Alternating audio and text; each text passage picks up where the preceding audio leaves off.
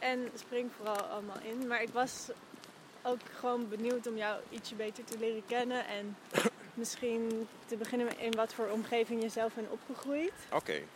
Ehm, daar gaat mijn boekje dus ook over, dat ik eh, vorig jaar uitbracht. Dat was in eh, Zuid-Limburg. Ehm, dat had nog, nog een stukje van een idylle. Daar was de, de ruilverkavelingen waren nog niet helemaal uitgerold. Daar was men nog mee bezig. Dus het had nog iets van hoe het eeuwenlang had uitgezien. Met mm mijndoornhagen rond de fruitbomen en dat soort dingen. Maar tegelijkertijd waren er ook al wat wij dan tussenlanden noemen. Uh, vuilstochten, waar dan ineens een autovrak tussen de teunisbloemen stond. Uh, een leeg fabrieksterrein dat overging in een natuurgebied. Natuur. Um, dus dan zag je dan wel de geelbuikvuurpad, heel zeldzaam beest. En tegelijkertijd werd daar ook afval gedumpt. Uh -huh. Maar als kind vind je dat allemaal te gek en is dat één wereld waarin je uh, begeeft. Super avontuurlijk. Maar ook heel erg mooi vanwege ja. alle, alle... Nou ja, ik vond als kind natuur al mooi. Ja. Dus dat je daar al een soort gevoeligheid hebt voor de schoonheid. Ik begon ook als piepjong kind um, met een, een, een, herbarium aan te leggen. Dus dat je die plantjes gaat drogen en dan de Latijnse naam erbij zoekt. Dat soort dingen. En wat ik altijd onthouden heb, en uiteindelijk is dat mijn vak geworden... Toch eigenlijk is het die rijkdom van dat geheel.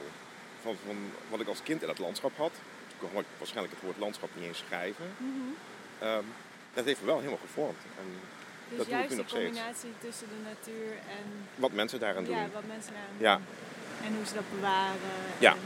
ja, ik ben absoluut niet van de richting die al begint met een heel scherp onderscheid te maken tussen natuur en cultuur. Mm -hmm. Dat wordt filosofisch ook heel lastig. Mm -hmm. En praktisch ook heel lastig, omdat de mens bijna ja. overal ter wereld ja, wel zijn invloed... Vandaar ook het woord antropoceen. Ja. Um, dus die discussie die ga ik altijd, of die wil ik prima voeren, maar is niet waar mijn grote belangstelling ligt. Want ik denk, ja, het is al zo fluïde overal. Ja, ja dan hoef je elkaar niet nog een keer de koppen in te slaan over een definitie. Nee, daar dus... ben ik zelf ook. Oh, gelukkig. nou, dan, dan, hoeven we dat al niet nee. te doen. Ja. Maar wat eigenlijk de, de, de, kern is van wat ik altijd doe, uh, het is een beetje ingegeven door Aldo Leopold. Ik weet niet of je daar ooit van hebt gehoord. Dat is een Amerikaanse natuurbeschermer. Uh, overleed in volgens mij 1948 en in 1949 kwam postuum zijn boek uit. Mm -hmm. um, hij is ook uh, houthakker geweest en hij uh -huh. joeg en dat weet je wel echt een beetje oude stempel. Yeah. Maar hij heeft ook een van de allermooiste filosofieën voor natuurbescherming opgesteld. En daarin heeft hij het de hele tijd over er is één stroom van leven. En dat is mens, plant en dier. Uh, maar bijvoorbeeld ook de aarde en de, wa de waterhuishouding. en dat hangt allemaal samen. En wat ik altijd interessant heb, vind, dat komt niet bij Leopold vandaan, maar dat is, dat is mijn, mijn eigen ding, zal ik maar zeggen. Hoe waanzinnig het is dat uh, als mens heb je uh, een verstand. En met dat verstand kun je je buiten dat geheel denken. Buiten het geheel van plant Van die stroom van leven waar ik het net over had. En uh, dat is volgens mij ook wat ons de hele tijd dwars zit. want je maakt er wel deel van uit, maar je kunt door dat denkvermogen je er buiten plaatsen. Mm -hmm. En daardoor gaat het ook heel vaak mis, is mijn mm -hmm. absolute overtuiging. Mm -hmm. En niet dat ik het nou de hele tijd dat als mijn filosofie loop te verkondigen, maar het is wel van waaruit ik eigenlijk altijd werk. Dat speelt altijd op de achtergrond mee. En dat denken is voor jou dan heel erg hoe je met je hersenen. Ja, denkt. dus dat je eigenlijk vanuit ideeën, concepten, maar ook gewoon de gedachten die constant opploppen, leg je dat de hele tijd ook over de natuur heen. Ook ja. over je vrienden en uh, als je gaat winkelen. En altijd is dat er. En het is ook niet erg. En je krijgt het ook niet weg. Hè? -hmm. Sommige mensen zeggen van... Uh, Oeh, je staat een nep Andy Goldsberg. Ja. uh, hij is trouwens best mooi. Maar er moeten nog wat mosjes in. um, sommige mensen, dat lees je nog steeds ook in de populaire cultuur... van even helemaal zen. Even, alsof je dan geen gedachten ja, hebt. Nou, nee. dat is totale onzin. Iedereen die langer in die wereld meegaat... die zal ook zeggen, ja, gedachten die, die gaat nooit weg. Het is weer een kwestie van wat doe je ermee. Ja. En als jij constant bezig bent met jouw gedachten over die boom of die plant of zelfs die steen op te leggen. Dat is wel grappig dat we nu in een Japans thema terechtkomen. um, dan is dat ding, zal ik maar zeggen, of dat nou leeft of niet, al niet meer zichzelf. Dat kan er dan niet meer zijn in hoe het vanuit zichzelf is. En, wat ik, en we hebben een citroenvlindertje al. Um, als dat dus lukt om niet vanuit die, die, die gedachten en concepten en weet ik het allemaal over de natuur heen te leggen, maar die natuur is, is er in haar eigen zijn, dan gebeurt er ook iets met jezelf. En dat gebeurt in je hart. Het gebeurt ook niet Ja. hierboven. En dat is fantastisch. Eh, daar ligt, vol- volgens mij is dat een hele belangrijke bron van geluk. Die, of je nou arm of rijk bent, of eh, hoog of laag geletterd, doet er niet toe. Dat is eigenlijk voor iedereen toegankelijk. Mits je even, even, even dat stapje Ja. zet. Nou ja, dat, dat is eigenlijk ehm, van waaruit ik mijn werk eh, Mhm. probeer te doen. Want dat lukt natuurlijk ook niet altijd. Ik heb ook meters dossiers die ik moet lezen. Ja, en, dat was ook inderdaad een van de vragen. Hoe ziet je dan je week eruit als... eh, ja, dat is heel gevarieerd. of ja, Ja, ik ben geen boswachter hoor. eh, ja. Dus zo. nou ja, ik, ik, het coronajaar, het eerste coronajaar, was in die tijd een zegening. Want dat viel in één keer allemaal weg. En dan, toen ontdekte ik ook nog een fantastische plek vlakbij waar ik woon. Mhm. Waar ik vroeger wel eens kwam, maar nu drie, vier keer in de week. En dan ga je gewoon tegen de bomen aan zitten. En eh, dan is dat er allemaal. Ehm, daar is een fantastisch, ja, ecologen noemen dat bloemrijk grasland. Maar dat wil dus gewoon zeggen dat er meer is dan alleen gras. En, Ja. en vele tientallen soorten kruiden eh, groeien. Maar die trekken dus ook insecten aan. En wat ik fantastisch vind, dan zit ik daar tegen mijn boom aan. En ik weet niet, we- heb je een idee hoe een Indiase drone klinkt? De, de, de muziek? Gewoon die drone, die Ja, lange toon. ja. ja. Zo klinkt een wei vol insecten. En dat is fantastisch. Daar kan ik uren zitten. En eh, wat ik nu al twee jaar verder na het eerste coronajaar nog steeds voorneem, is al die insecten eens opzoeken in het boekje van hoe heten ze nou eigenlijk. En dat heb ik nog steeds niet gedaan. Het gaat nog steeds om die ervaring daar. Ja, dat is echt een poort naar geluk. Dat klinkt een beetje zweverig, maar het is echt zo. ja. Dus aan de kennis schort het wel af en toe. Ja, die plantjes op naam brengen, dat lukt wel. Maar, maar die insecten, dat weet ik dus nog steeds niet. En denk je dat daar ook iets in zit dat we het graag allemaal willen kunnen benoemen? Of hoe kijk je daar zeg maar Nou? Da- ja, weet je, eh, daar heb ik niet zo'n zo'n sterke mening over. Ik denk wel dat ehm, in het algemeen is meten is niet zomaar weten. Daar geloof ik niet in. Maar eh, in de natuurbescherming, en dan gaat het er Ja. bijvoorbeeld om van hoe zorgen we ervoor dat eh, niet al die insecten verdwijnen. Ja. Dan is meten op basis van eh, soortenkennis wel degelijk belangrijk. ja.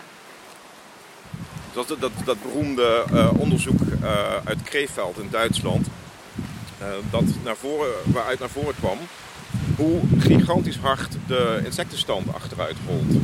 Ja, dan ben je toch heel ja. blij met wetenschap Ja, die dat goed monitort en, en in, in statistiek kan verwerken. En denk je dat je die ervaring die je net beschreef van tegen een boom aanzitten, het, eh, klinkt ook alsof het meer naar jou toe komt dan dat jij zeg maar daar Ja, het valt samen. uitreikt. Ja. Ja, Had je dat eh, als kind vanzelfsprekend en merk je ja. eh, dat dat nu anders is? Of dat je daar andere, iets anders voor moet inzetten? Ja. Omdat, eh, Ja, kijk, als kind was ik natuurlijk ook wel. eh, God, ja, in Limburg noemen ze dat een battegraaf. Dat wil zeggen iemand die kattenkwaad uithaalt. Wat ik net vertelde bij die eh, oude steenfabriek was het natuurlijk fantastisch om daar de oude voorraad pannen kapot te gooien.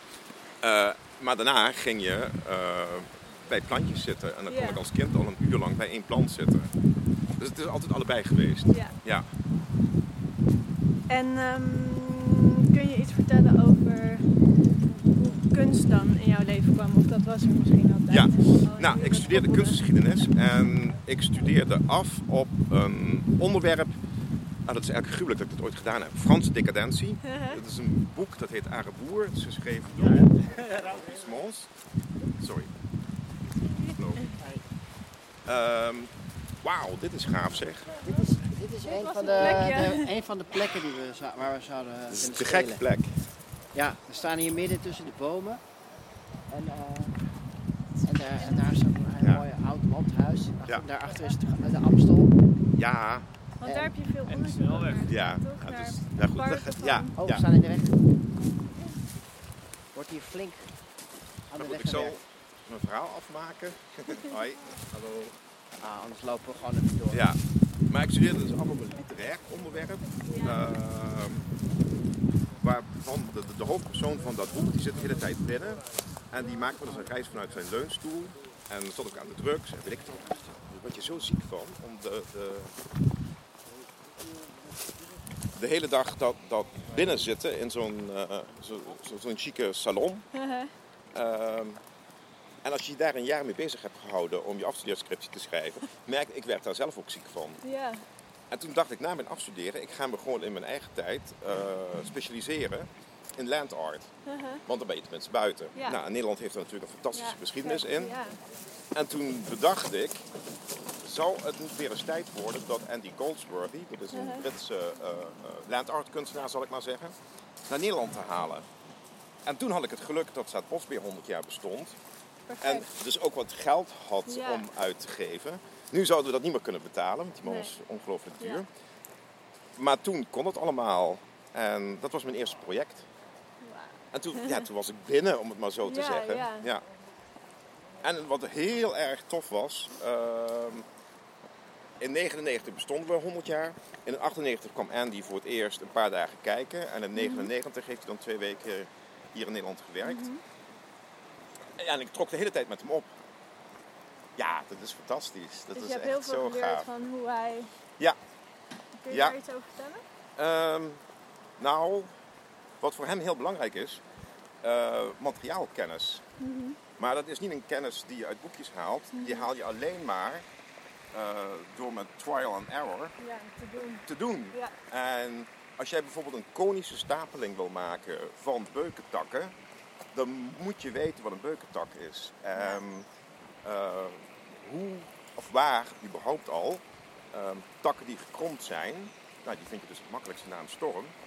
Dus dat moet je al allemaal Ja, weten. En dan ja. ook nog eens een keer hoe je dat in elkaar zet. Ja. Want daarna, eh Andy werd eh, wereldberoemd. Ja. En je ziet nu zelfs over, zelfs bij van die winkels als de Action en de Xenos, van die stapeling, ja, van die, van die steenstapelingen en zo, die dan gelijmd zijn. Of eh, van die houten constructies die gewoon met keilbouten vastzitten. Maar ja, dat was bij hem natuurlijk allemaal niet zo. En hij moest echt weten van, wat heb ik hier in handen? En daarnaast moest hij natuurlijk wel een soort gevoel hebben voor de plek waar hij werkte. Want hij was totaal niet van, eh, ga overal maar wat neerzetten. En, dus hij liep soms een hele dag, eh, dan- dan liet ik hem ook alleen, dan trok ik niet met hem op. Een hele dag door een landschap om een plek te vinden. En hij heeft heel veel werk gemaakt. Die hij zelf eigenlijk, is driedimensionaal schetsen basically. eh, waarvan hij ook nooit vertelde waar het, waar het was. Mhm. Dus mensen kunnen in het bos zomaar een Goldsworthy zijn tegengekomen zonder dat ze dat wisten. Maar uiteindelijk moest er natuurlijk wel een tentoonstelling komen en een aantal buitenwerken, Rijkerszeel, Groeneveld en Baren. Ehm, maar goed, dat, dat idee dat hij dus gaat rondwandelen om zijn gevoel voor de plek eh, aan te scherpen, zal ik maar zeggen. Ja, dat sloot natuurlijk naadloos bij ons aan.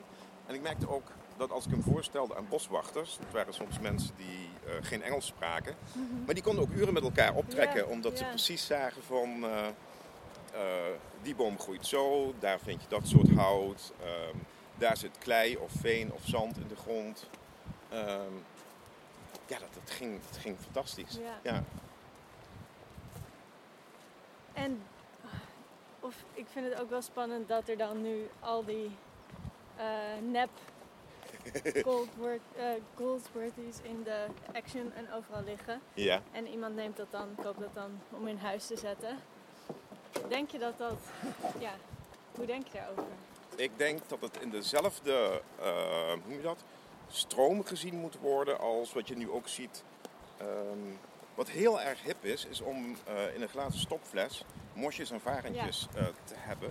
En dan is dat nog heftiger dan zo'n nep Goldsworthy. Om, daar zit een soort beschermingsdrang omheen. Ja, En ik denk dat dat toch, toch ergens heel ver meer is dan alleen decoratietrift. Dat er toch iets in zit van mensen, ja maar van het dan hebben we iets, beheersen. ja, maar, ja, maar op een mooie manier. Dat, dat, dat het iets kostbaars is. ja, En natuurlijk heb je daar meest verschrikkelijk kitscherige uitwassen in. Maar het, het, het gevoel wat erachter zit, zou Ja. eens heel oprecht iets kunnen eh, duiden. Dat mensen wel degelijk een idee hebben van, het is iets kostbaars. ja. Ja.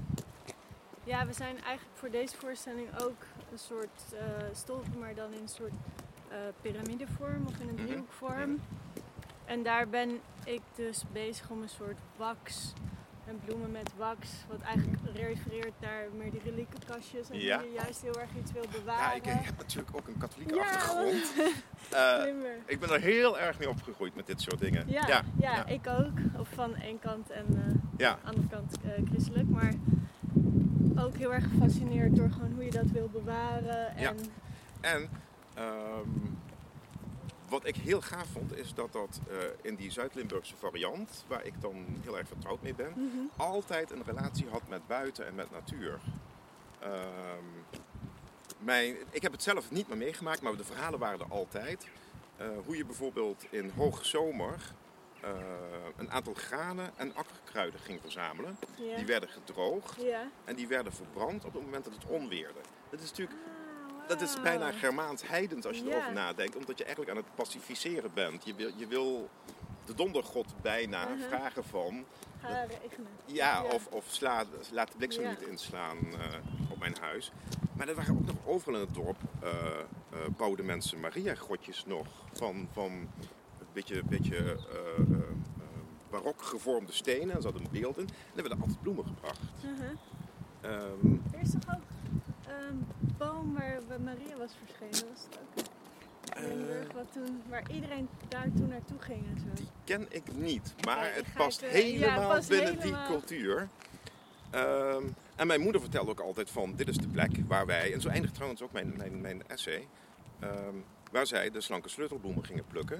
En die werden dan in wekpotten bij het Maria-altaar gezet. Ah. Ehm, en die sleutelbloem die heet in het Limburgs ook eh kerkensleutel, dus kerkensleutel. Mhm. Nou ja, dat, dat is helemaal verweven. Ja. Dat- Daar, zit, daar zit niks. eh, maar ook het idee dat, dat heb ik helemaal niet meegemaakt, dat vind ik wel jammer. Dat na de consecratie, dat wil dus zeggen het moment waarop de, de hostie Mhm. gezegend en geheiligd is, ehm, is, ehm, is er eigenlijk sprake van een Christusaanwezigheid. Maar die hostie werd in sommige processies eh, over het land eh, gedragen. Mhm. En dat heeft natuurlijk altijd te maken met, met hopelijk dat het land een vruchtbare oogst zal voortbrengen en whatever. Maar dat idee dat dat dus helemaal verweven is eh, binnen die cultuur, ja, dat vind ik nog. Ik ben daar wel gevoelig voor. Terwijl Ja. ik met het instituut Kerk helemaal niks heb, vind ik de gevoeligheid die daar Ja, de uitspreekt en in. toewijding, Ja, precies. Ja. Denk je, want wij zijn nu eigenlijk eh, met ons eh, project bezig om te kijken of we op een of andere manier een soort van ja, eh, hernieuwde relatie met de natuur om ons heen kunnen Mhm. bewerkstelligen. ja. Denk je dat er, op, dat er nog rituelen of dit soort culturele uitingen zijn die zich daar toe, op toespitsen? Of bestaan die nog in het Westen? Mm, nou, weet je, doordat we de instituten hebben afgebroken, en dat hebben ze ook wel heel vaak aan zichzelf te danken met alle misbruik en machtssituaties en weet ik het allemaal. Dus eh, eh, sorry, no sorry wat dat betreft. Ehm, het zit wel in mensen om het ook te willen. Dus nu ineens heb je allemaal boekjes over Japanse bosbaden. Die gaan hier ook over. Ehm, maar wat ik altijd zeg, en volgens mij hoeft, hoeft daar verder weinig structuur omheen. Ga eens alleen stil in de natuur zitten. Wat er dan al gebeurt, is fantastisch. Ja. Eh, je, je ziet, eh, reeën kunnen tot op 10 meter afstand van jou komen. Of een libel landt op je en die draait zijn kop en die kijkt jou aan. Ja. En als je het dan voor elkaar krijgt om daar niks aan op te leggen, aan betekenis, dan heb je in principe een sacrale ervaring. Ja. Is mijn overtuiging.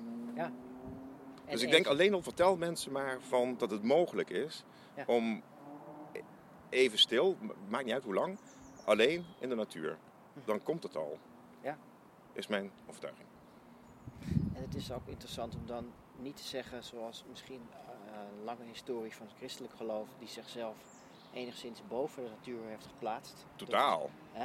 Dat was het ding. Ik bedoel, je hebt wel een aantal bijbelcitaten over dat we de, de schepping moeten bewaren.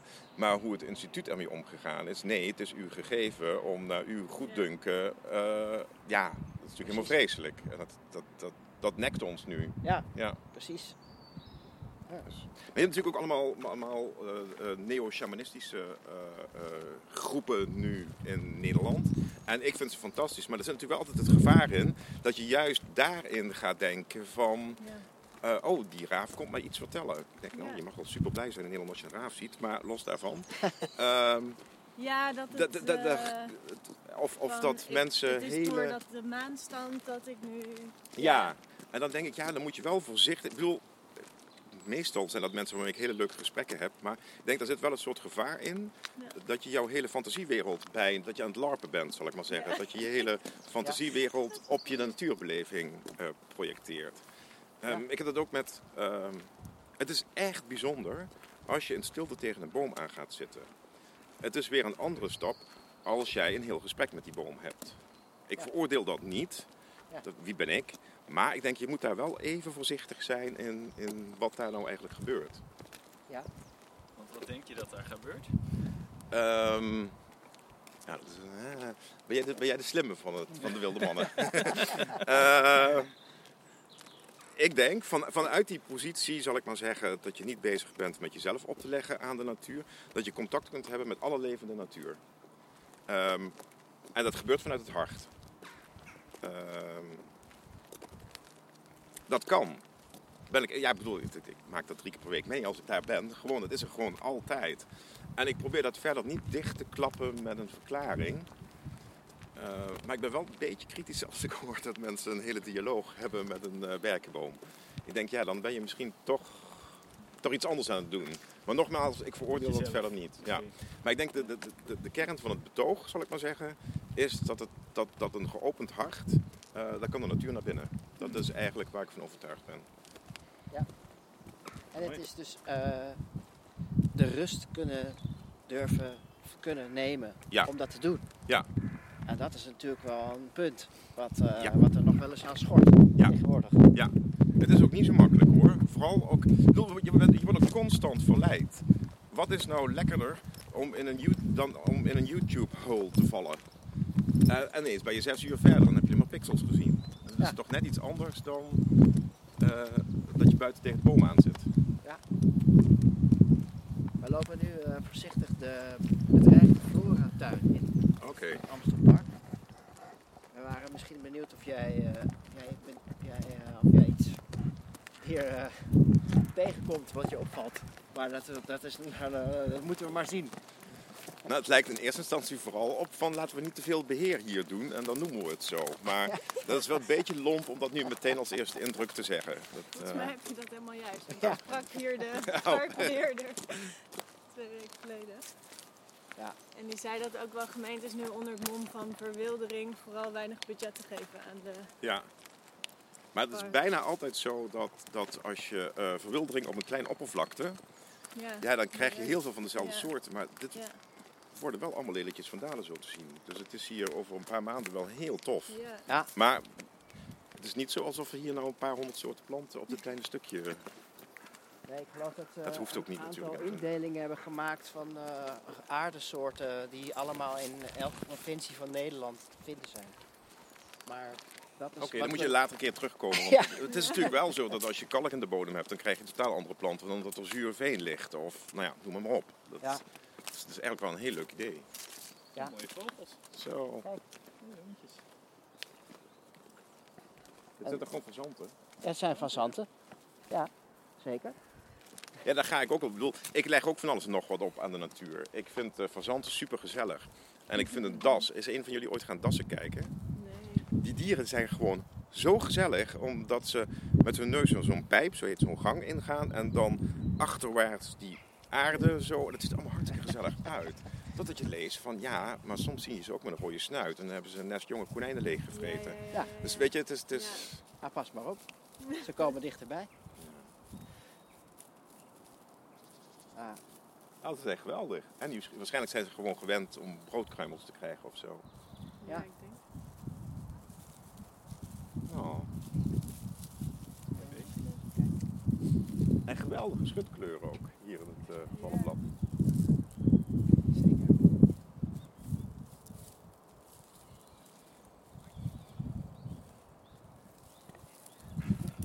Mooie geluiden die ze maken. De stapjes. Ja.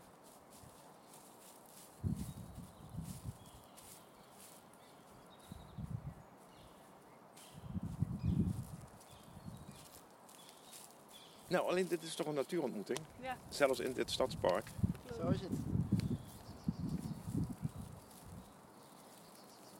Goed, maar we werken wel, dus. En, Ik eh, vind deze muur trouwens ook helemaal te gek. Ja. Het is een beetje waar je over vertelde uit je jeugd. Ja, de- zo- zo- zo'n zo'n vervallen steenfabriek Ja. had, had dit soort muren ook. Ik bedoel, dit is wel beheerd, maar toch, ja. ja. Ja, zo'n klein stukje natuur in- midden in de stad. Eh, is voor veel mensen toch een eh, mogelijkheid om even stil te staan. Het natuurlijk eh, hetzelfde Nou ja, wat dat betreft, ik bedoel, ik hoef geen, geen, geen, dat, geen college te geven over ruimtelijke ordening. Maar Amsterdam heeft het natuurlijk wel heel erg goed gedaan met die scheggenstructuur. Van hoe je vanuit het centrum in no time buiten staat. En dat eigenlijk naar alle kanten toe. Of je dan naar Diemen gaat of naar Waterland of, of eh, richting Haarlem. Het, het, het is er overal. eh, dat de Amsterdammer een hele goede mogelijkheid heeft om in relatief korte tijd eh, in een buitengebied te zijn. Ja. Maar als je dat dan weer vergelijkt met hoe Neskio dat deed, die hoefde de straat maar uit en dan was die, was die daar. Dan stond hij aan de, aan de, aan de Diemerzeedijk.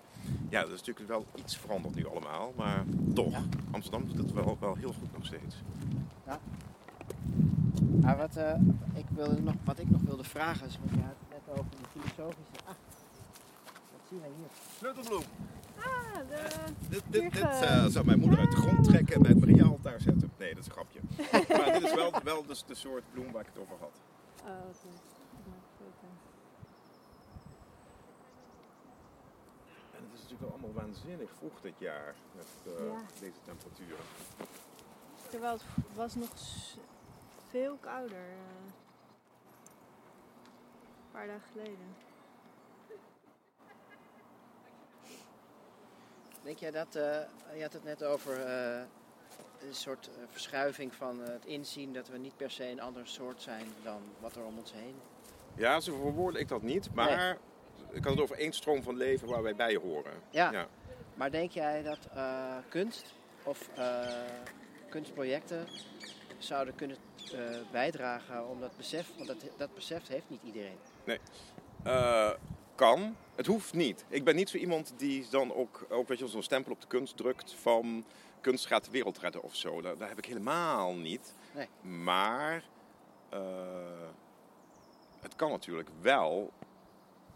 Bijna per on, als je het zo van, we gaan nu een kunstproject doen en dan, dan eh, dat dat- mensen daarna... heel ja, ja, ja, geconstrueerd ja. en bedacht en zo.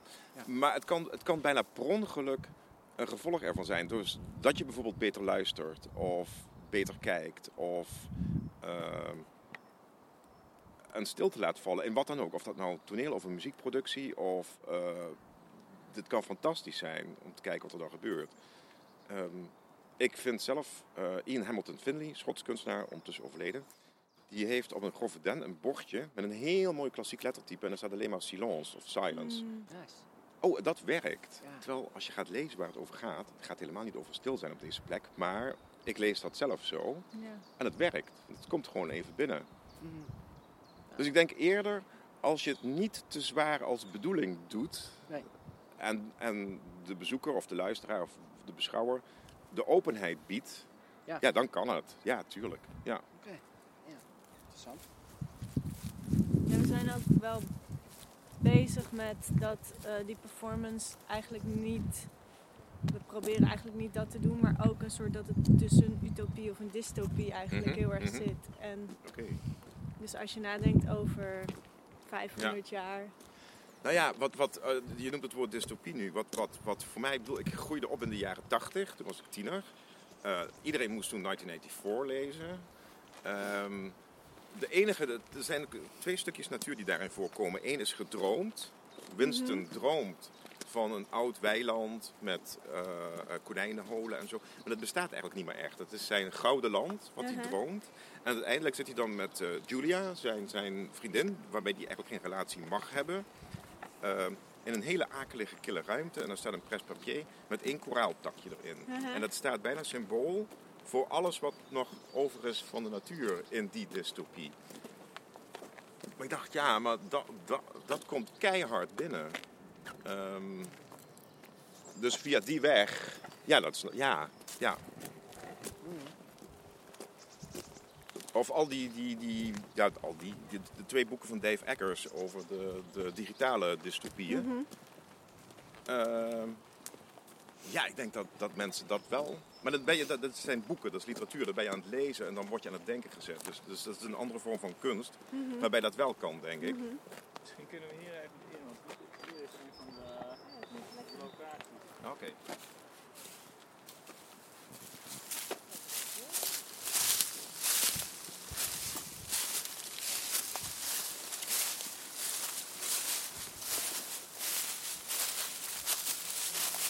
Ik ben trouwens aan het denken van die sleutelbloemen die achtervolgen me. Want in Brave New World, die andere dystopie van Aldous Huxley, komen ze ook voor. Maar dan ehm, in de zin dat, dat de, de totalitaire wereldregering zegt van eh, wat hebben die nou voor een nut? Ze leveren er niks op. Mhm. Eh, dus laten we vooral zorgen dat de lagere klassen eh, zich niet gaan verpozen in de natuur bij die sleutelbloemen, want daar, hebben we niks aan. Dus op een of andere manier komen ze, Echt komen ze regelmatig terug. terug in waar ik me mee bezig houd. Oeh, dit is gaaf. Ja. Dit is ons favoriete Als dit zou mogen, Ja. Want ik weet niet wat hier voor een ondergroei komt, ik denk dat dat wel meevalt, maar dat, wat, wat zeggen de parkbeheerders? Zien ze dit als een optie? Ja. Dat Daar zijn we nu, mee, bij- Ja. zijn we nu het- met hun eh, aan het, eh, over aan het spreken. ja. En eh, ik denk dat het wel meer kans maakt dan ergens midden tussen waar al heel veel mensen eh, Ja. rondlopen. Maar dit is magic. Ja, Die heb je hier. magic. Klopt. Ja. Zo zijn we ook gaan kijken eigenlijk van waar voel je de magic. Ja, nou hier. Ja, Ja. definitely. Ja. Het heeft ook wel een beetje iets, eh, wat een soort van, eh, we noemen het het, eh, het, eh, het kerkhof, het uh, boomstammenkerkhof. ja, Er ligt natuurlijk van alles om. het is gewoon de Shire. Ja. Nee, het- ja, te gek uitgezocht de plek. Fantastisch. Ja. Maar je hebt natuurlijk ook wel de stad daarachter. Ja, dat hoort erbij. Ik Ja. bedoel, dan, dan, dan, je moet niet liegen over een locatie, denk ik. Dus dan, dan, dan hoort dat er gewoon bij. Klopt.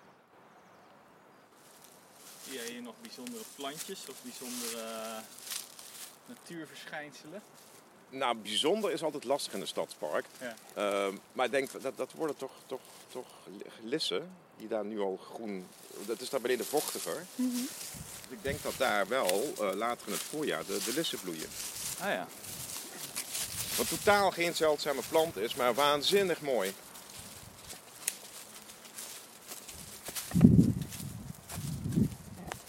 Of ze, ja, ik, niet op, maar.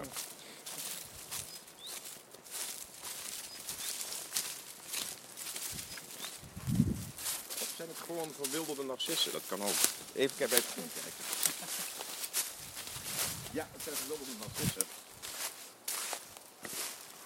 Van acht, het heeft dezelfde kleur van blad, maar het is veel fijner. Dus eh, nee, dan zie ik geen zeldzame dingen staan. En dat maakt verder niet uit. Gewoon die klimop is al fantastisch. En ik zie ook geen... Ik zie ook geen groen opkomen. Weet je wel, of hier ook, ook bosanemonen, eh, die zouden zelfs nu al kunnen bloeien. Of ook wel lelietjes van dalen of zo. Maar ik zie, ik zie eigenlijk nog niks. En dat maakt niet uit. Dan, dan vertrappen jullie ook niks. Nee, daarom. Die klimop is veert gewoon weer op. eh. Die kun je bijna kapot lopen en die komt terug. Ik zie nu ook dit voor het eerst. Een palsentje. Ja, maar is er een soort windvlek? Hebben die, zijn die normaal gesproken door het park, die, die, die eh?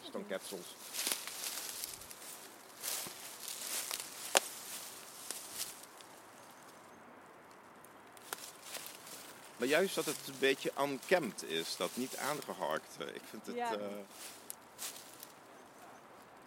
En het heeft een soort, soort beslotenheid. Ja. Het is, je hebt hier gewoon een, een theater, theater, erbij, dat ja. is er al. Dus ja. Nee, als het zou mogen, zou dit een geweldige plek zijn.